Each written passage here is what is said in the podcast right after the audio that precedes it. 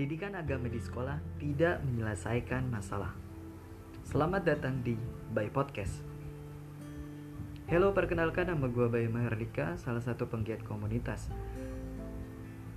Akhir-akhir ini kita melihat mungkin banyak sekali beredar kabar bahwasanya pendidikan agama di Indonesia mau dihapuskan. Terlebih baru selesai pesta demokrasi, jadi banyak sekali tuh yang nyambung-nyambungin dan hoax tersebar ke mana-mana.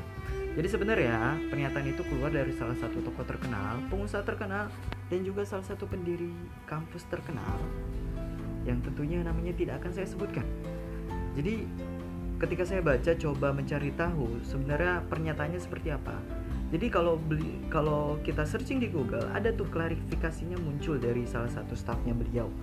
Intinya sih mengatakan seperti ini ketika menyampaikan bahwasanya pendidikan agama tidak perlu diajarkan di sekolah itu beliau sedang merasakan atau mengemukakan pendapatnya tentang kecewaannya bahwasanya agama menjadi sebuah simbol politik simbol pemecah belah simbol pengancam NKRI dan maraknya apa ya ajaran-ajaran ataupun paham-paham radikalisme yang tersebar di sekolah-sekolah negeri maupun kampus-kampus negeri. Jadi beliau mengatakan porsi terbesar tanggung jawab pendidikan agama murid itu terletak pada lingkungan luar sekolah, bukan pada pihak sekolah. Jadi kurang lebih seperti itu pernyataan dan juga klarifikasi yang gue baca. Jadi sebenarnya balik lagi ke tema kita, pendidikan agama di sekolah tidak menyelesaikan masalah. Kenapa? Why? Kenapa bisa begitu? Jadi sebenarnya jawabannya sangat simpel. Di sekolah negeri, ini khusus sekolah negeri ya, karena di Indonesia paling banyak sekolah negeri dan yang menjadi acuan salah satunya adalah sekolah negeri.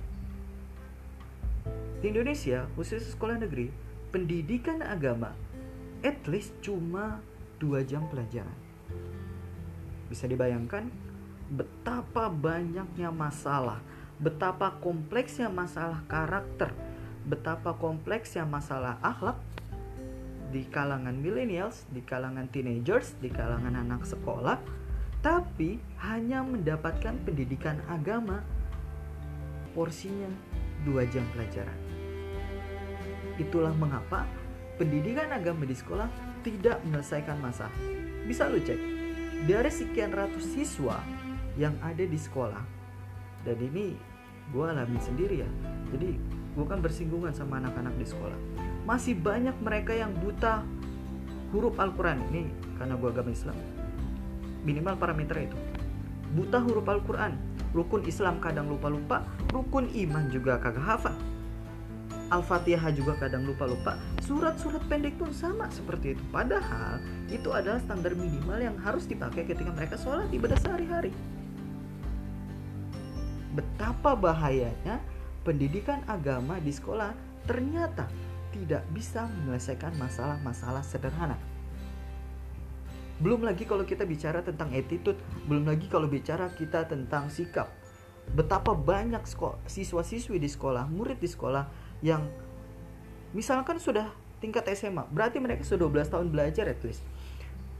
Masih banyak gak yang buang sampah sembarangan?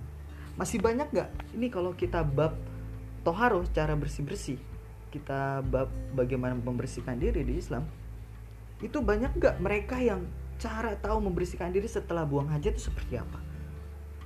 Itu semua masih sangat sedikit yang bisa menyerap ilmunya. Karena apa? Porsi yang diajarkan di sekolah itu sangat sedikit. Lu bisa bayangkan sekian banyak murid sekian udah banyak yang murid banyak yang masalah yang dialami. Karena masing-masing murid terkadang punya permasalahan berbeda dan di sekolah diajarkan hanya dua jam pelajaran itulah kenapa pendidikan agama di sekolah tidak menyelesaikan masalah. Lalu apa solusinya dan apa sih lu solusi yang lu bisa hadirkan untuk menjawab sebuah tantangan tersebut?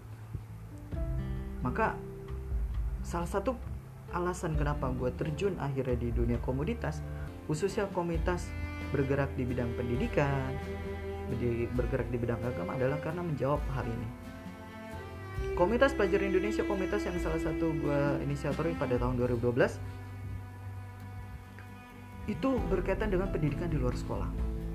Gue sangat paham bahwasanya di sekolah itu banyak hal yang tidak bisa diajarkan. Makanya gue membentuk komunitas pelajar Indonesia. yang di mana pendidikan-pendidikan yang tidak diajarkan di sekolah mereka bisa dapatkan di komunitas ini. Begitu juga dengan salah satu komunitas hijrah yang gue dirikan guna memfasilitasi anak-anak yang ingin belajar agama, kita belajar bareng-bareng di sana. Jadi uh, solusi solusi sederhananya adalah ketika lu tidak mendapatkan pendidikan agama, tidak ketika lu merasa ini khususnya untuk para siswa-siswi ya, ketika lu merasa bahwasanya pendidikan agama di sekolah tidak menyelesaikan masalah lu, lu masih belum puas terhadap lu pengen belajar agama lebih dalam lagi dan sebagainya macamnya, maka tidak belajar tidak harus berhenti di sekolah. Belajar tidak harus berhenti di sekolah. Cari pengajian-pengajian terdekat yang gurunya benar tentunya. Cari eh, kajian-kajian terdekat. Sekarang apalagi sudah banyak banget komunitas-komunitas hijrah, kajian-kajian. Jadi sekarang media belajar itu khususnya untuk belajar agama sangat mudah. So, pendidikan agama di sekolah memang tidak menyelesaikan masalah. Namun, Indonesia bukan hanya butuh orang pengkritik, tapi Indonesia butuh orang penggerak. Dan gue mengajak kepada lo semua untuk sama-sama bergerak menyelesaikan masalah-masalah yang ada di Indonesia. Terima kasih. Sampai jumpa kembali di Bay Podcast.